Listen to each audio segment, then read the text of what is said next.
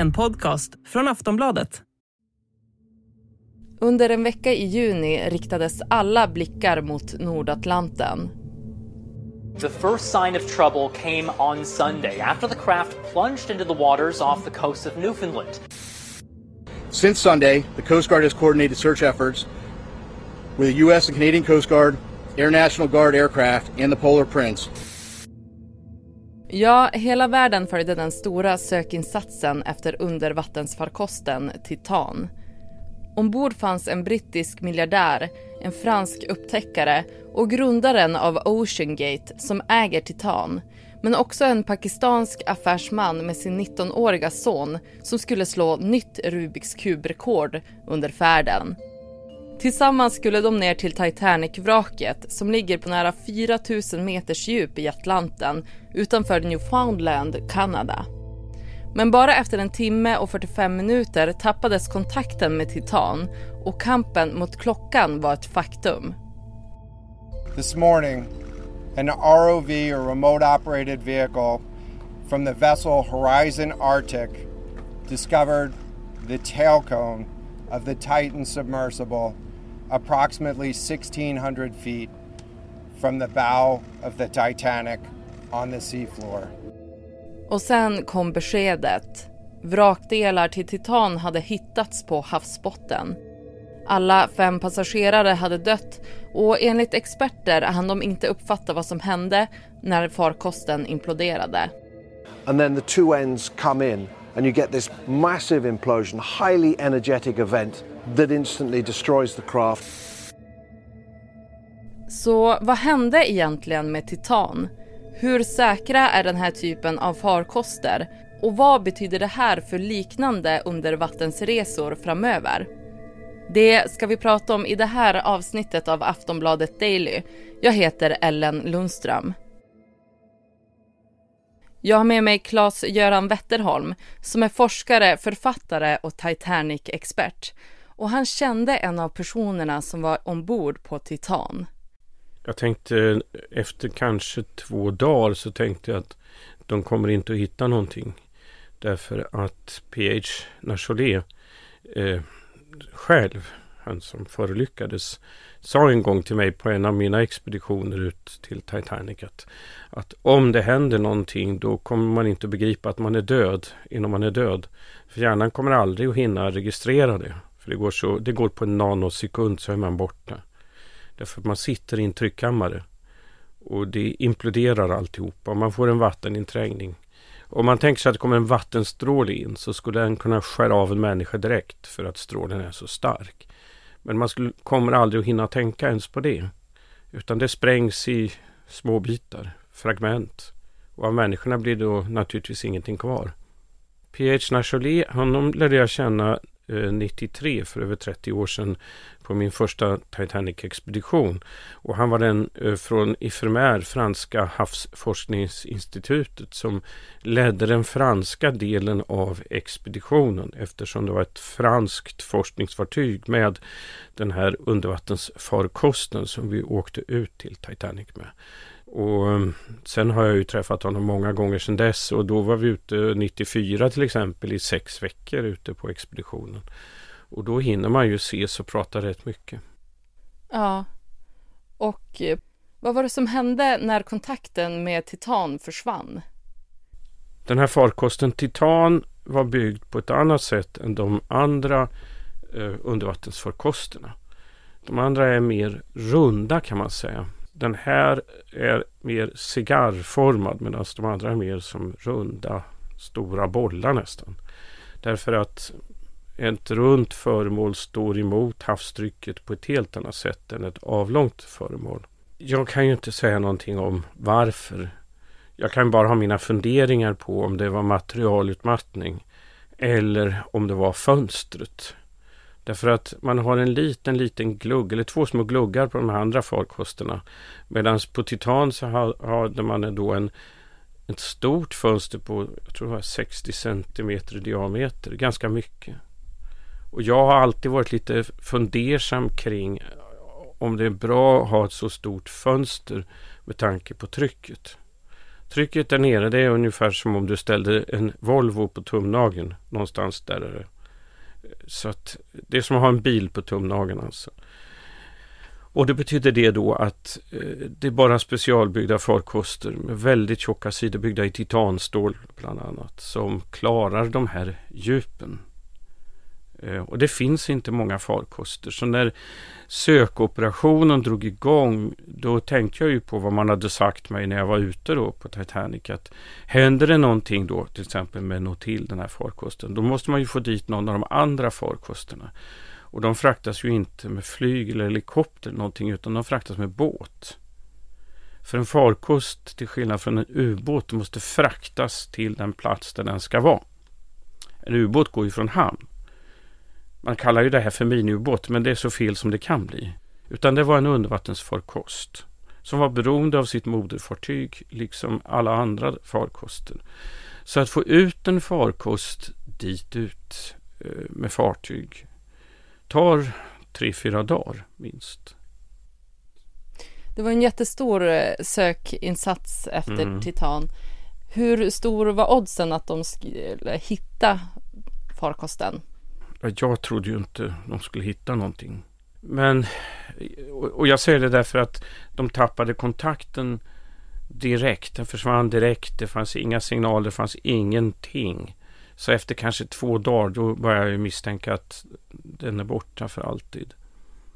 Och sen efter tre dagar var jag helt säker på min sak. Alltså den här farkosten hittar man inte.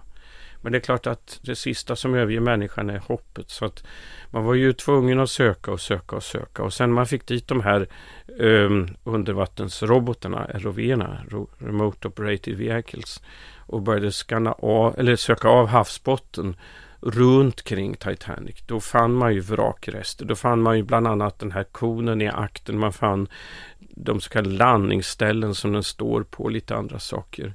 Och så fragment här och där. Och när den här nyheten kom att vrakdelarna hade hittats, hur tog du det? Ja, det är klart det var sorgligt, men det var ju bara en bekräftelse. Min första tanke när jag först läste om på nätet att, att ehm, det var en farkost som var borta som skulle gå ner till, alltså en av Ocean Gates farkoster. Den första tanken var bara måtte inte PH ha varit där ombord. Och så var han det. Och när dagarna gick så tänkte jag att nej, det här går inte bra. Så det är klart, det, det var ju sorgligt när beskedet till slut kom, men, men jag visste ju redan då att vad det var som hade hänt. För det var bara ren slutledningsförmåga utifrån de erfarenheter jag har av, av, av mina expeditioner och, och så, och vad de har sagt och vad Peter själv sa till mig om vad som skulle kunna hända. Det var han själv som sa det här en gång. Att om det kom, händer någonting där med farkosten då är du död innan du vet att du är död. Han har ju själv sagt det. Vi ska snart prata vidare om vad som hände med Titan och hur denna tragedi kommer påverka den framtida djuphavsturismen. Vi är alldeles strax tillbaka.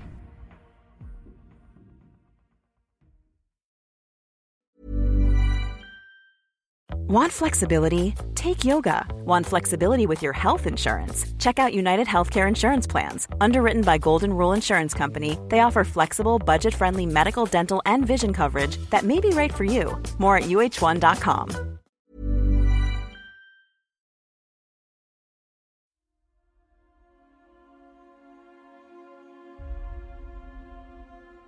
Den enorma kraften i impulsionen gör att luften i kabinen antänder och enligt uppgifter ska krafterna vara så enorma att stora delar av Titans skrov helt enkelt pulveriserades. Hur skulle du beskriva det som hände?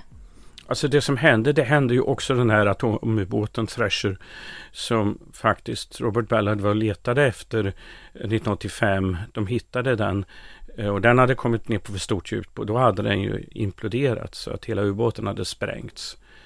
Det går nog så fruktansvärt fort det här. Och det är en sån enorm kraft som det inträffar med. Det är svårt att föreställa sig att, att kraften gör att det inte finns någonting kvar.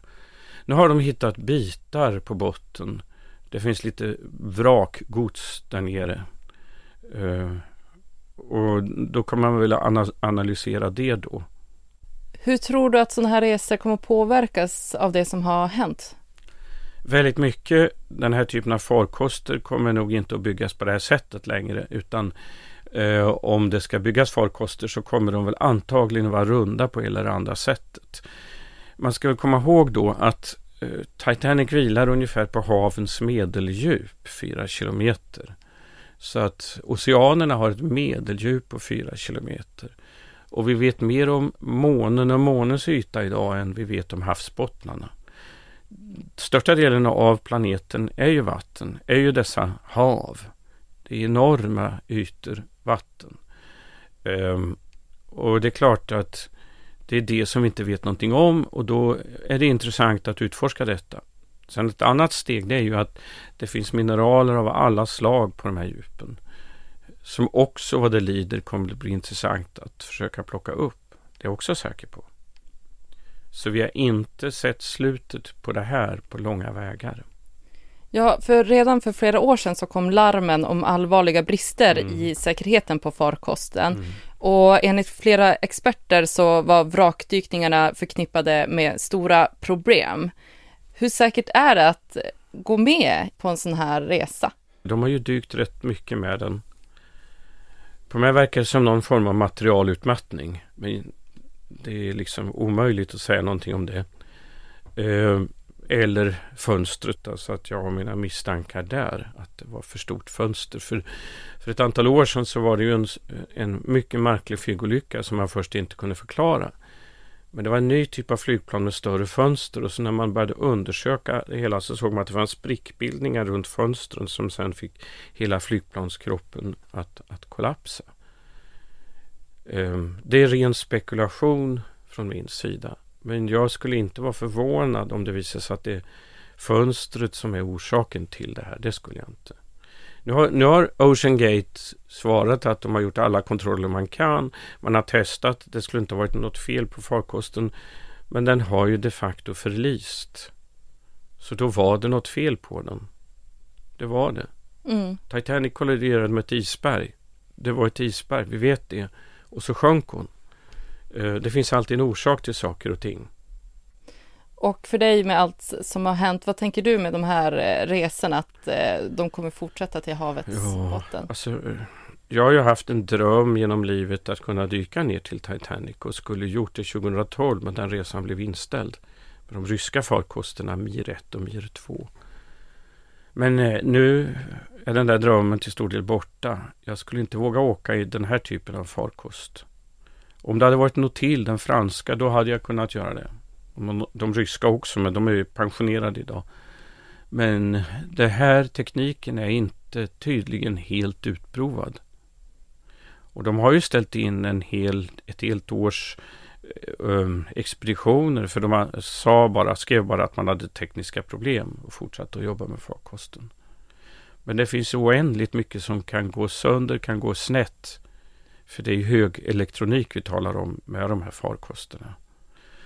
Och ändå så är det ju väldigt, naturen har aldrig fel som jag brukar säga. Och naturen visade att naturen har rätt i det här fallet. Vad, vad kan du utveckla vad du menar? Jo, man testar ju gränserna och testar gränserna. Och, och om man gör något tokigt så svarar alltid naturen tillbaka. Om man dyker ner på de här djupen och det är det här trycket. Då måste man vara förberedd på att saker och ting kan hända om man inte har garderat sig. Nu var det här turistresor och de andra farkosterna har ju delvis använts för att dyka med turister till Titanic. Men här satt man på ett annat sätt. Det var bekvämare, det fanns lite mer utrymme och de var byggda enkom för kommersiella resor ner i synnerhet till Titanic. Det var de.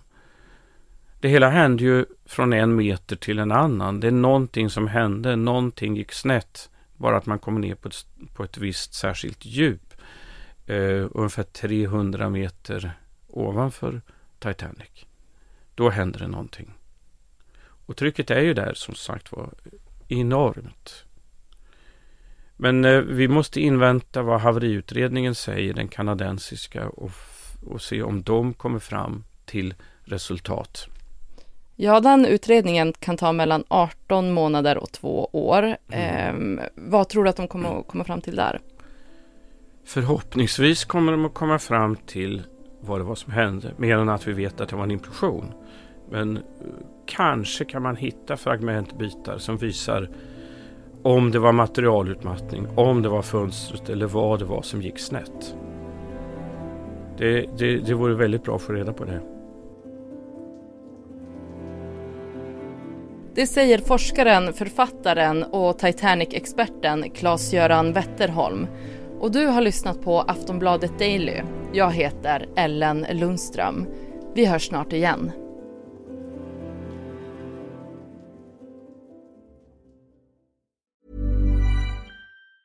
Normally, being a little extra can be a bit much, but when it comes to healthcare, it pays to be extra. And United Healthcare makes it easy with Health Protector Guard fixed indemnity insurance plans. Underwritten by Golden Rule Insurance Company, they supplement your primary plan, helping you manage out of pocket costs without the usual requirements and restrictions like deductibles and enrollment periods. So when it comes to covering your medical bills, you can feel good about being a little extra. Visit uh1.com to find the Health Protector Guard plan for you.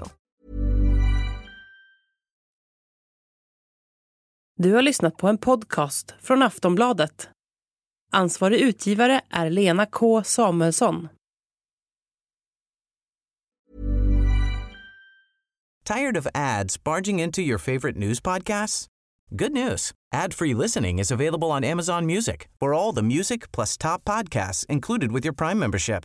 Stay up to date on everything newsworthy by downloading the Amazon Music app for free or go to amazon.com slash news ad free. That's amazon.com slash news ad free to catch up on the latest episodes without the ads.